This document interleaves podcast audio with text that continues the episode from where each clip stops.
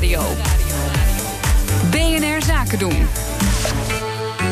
Ondernemersdesk. Inclusiviteit kwam in 2019 bij veel bedrijven hoog op de agenda. In de laatste aflevering van de Ondernemersdesk Inclusiviteit blikt Conor Klerks terug op 2019 en vooruit op 2020 met staatssecretaris Tamara van Ark. Ja, dit jaar gaat het in mijn rubriek al het hele jaar over inclusie. Het tegenovergestelde van inclusie is natuurlijk arbeidsdiscriminatie. Dat is uh, uw portefeuille. Hoe staan we ervoor nu aan het eind van 2019? Ja, ik vind inclusie ook eigenlijk een mooie onderwerp om over te praten. En daar gebeurt gelukkig wel heel erg veel. Want ik zie wel dat heel veel werkgevers, heel veel ondernemers zeggen: dit vinden we belangrijk. We hebben een hele diverse klantenkring bijvoorbeeld voor onze organisatie. Dus we willen ook dat de mensen die bij ons werken uh, diezelfde diversiteit ook weerspiegelen. En dat zie ik op steeds meer plekken gebeuren. Tegelijkertijd blijkt ook uit onderzoeken dat het nog wel beter kan. Omdat er nog onbewust veel mechanismen zijn die een rol spelen. Bijvoorbeeld bij de selectie van mensen. Uh, omdat het toch ook nog heel vaak voorkomt dat mensen zeggen van ja, ik ging voor deze stage, maar ik denk toch dat ik hem vanwege mijn achternaam niet heb gekregen. En dat zien we helaas nog wel te veel. Maar ik zie gelukkig ook wel een hoop lichtpuntjes. U heeft daar specifiek een wetsvoorstel voor liggen hè, tegen discriminatie op het gebied van werving en selectie. Hoe ver zijn we daarmee? Nou, het is in ieder geval een wetsvoorstel wat uh, in internetconsultatie is geweest. En iedereen heeft kunnen reageren. Dat is ook echt breed gedaan. En ik heb ook nog aangegeven, ik ga daar nog in, over in gesprek met brancheorganisaties. Nou, die gesprekken vinden nog plaats. Dan haal ik dat net helemaal op. En dan uh, ga ik een wet schrijven die ook echt daadwerkelijk naar de Raad van State gaat. En daarna hopelijk naar de Kamer.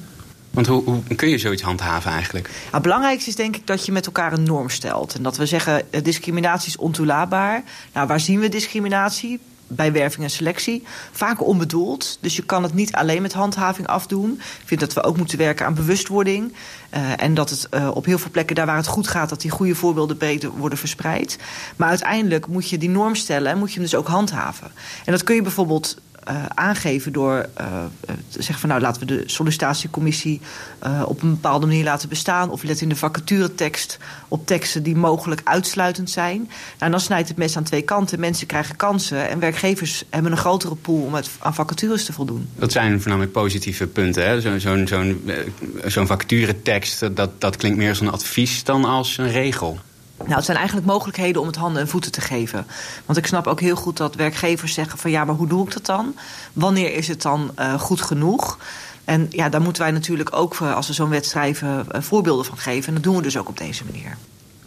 Ander uh, groot verhaal, inclusie in 2019, misschien wel het verhaal, is het vrouwenquotum. Hoe kijkt u daar tegenaan nu? Ja, mijn collega, de minister van Onderwijs, heeft dit onderwerp natuurlijk in portefeuille. En die gaat nu ook aan de slag met het uitvoeren van de motie.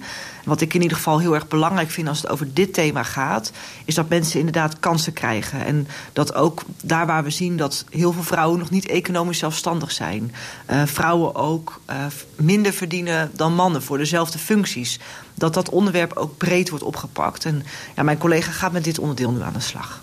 In 2015 zei u, quota zijn voor vissen, niet voor vrouwen. Bent u van gedachten veranderd? Ja, de Kamer heeft een hele heldere uitspraak gedaan. En dan is het natuurlijk aan het kabinet om die verder uit te werken. En ik zie in ieder geval wel dat er breed ook dingen nodig zijn. Uh, wat mij betreft ook vooral nog in het stimuleren.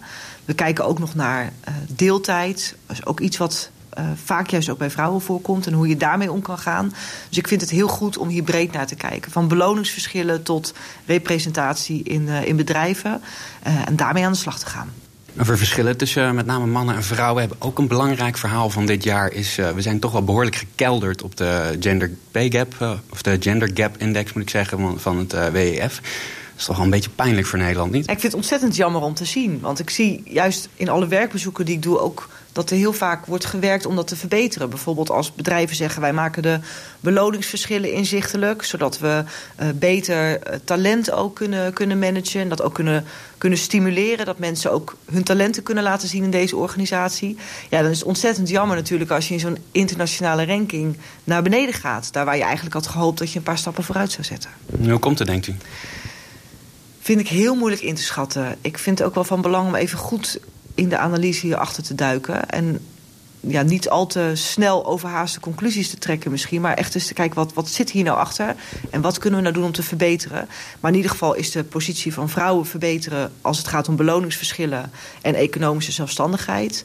Dat is denk ik een, een hele belangrijke eerste stap. Wat wordt de grootste uitdaging in 2020? Ja, ik denk toch wel de wet waar we het net over hadden... die uh, bij werving en selectie discriminatie wil voorkomen, op een dusdanige manier vormgeven dat werkgevers zeggen: hier kunnen we mee uit de voeten.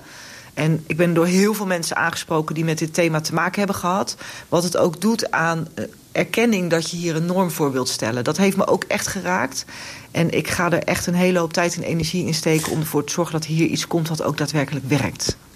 Connor Klerks in gesprek met staatssecretaris Tamara van Ark. Wil je nou meer horen uit de ondernemersdesk? Dan kan ik je zeggen dat je alle afleveringen terugvindt als podcast via onze site of de BNR-app. Ondernemersdesk Inclusiviteit wordt mede mogelijk gemaakt door Verderkijkers. Een initiatief van het ministerie van Sociale Zaken en Werkgelegenheid.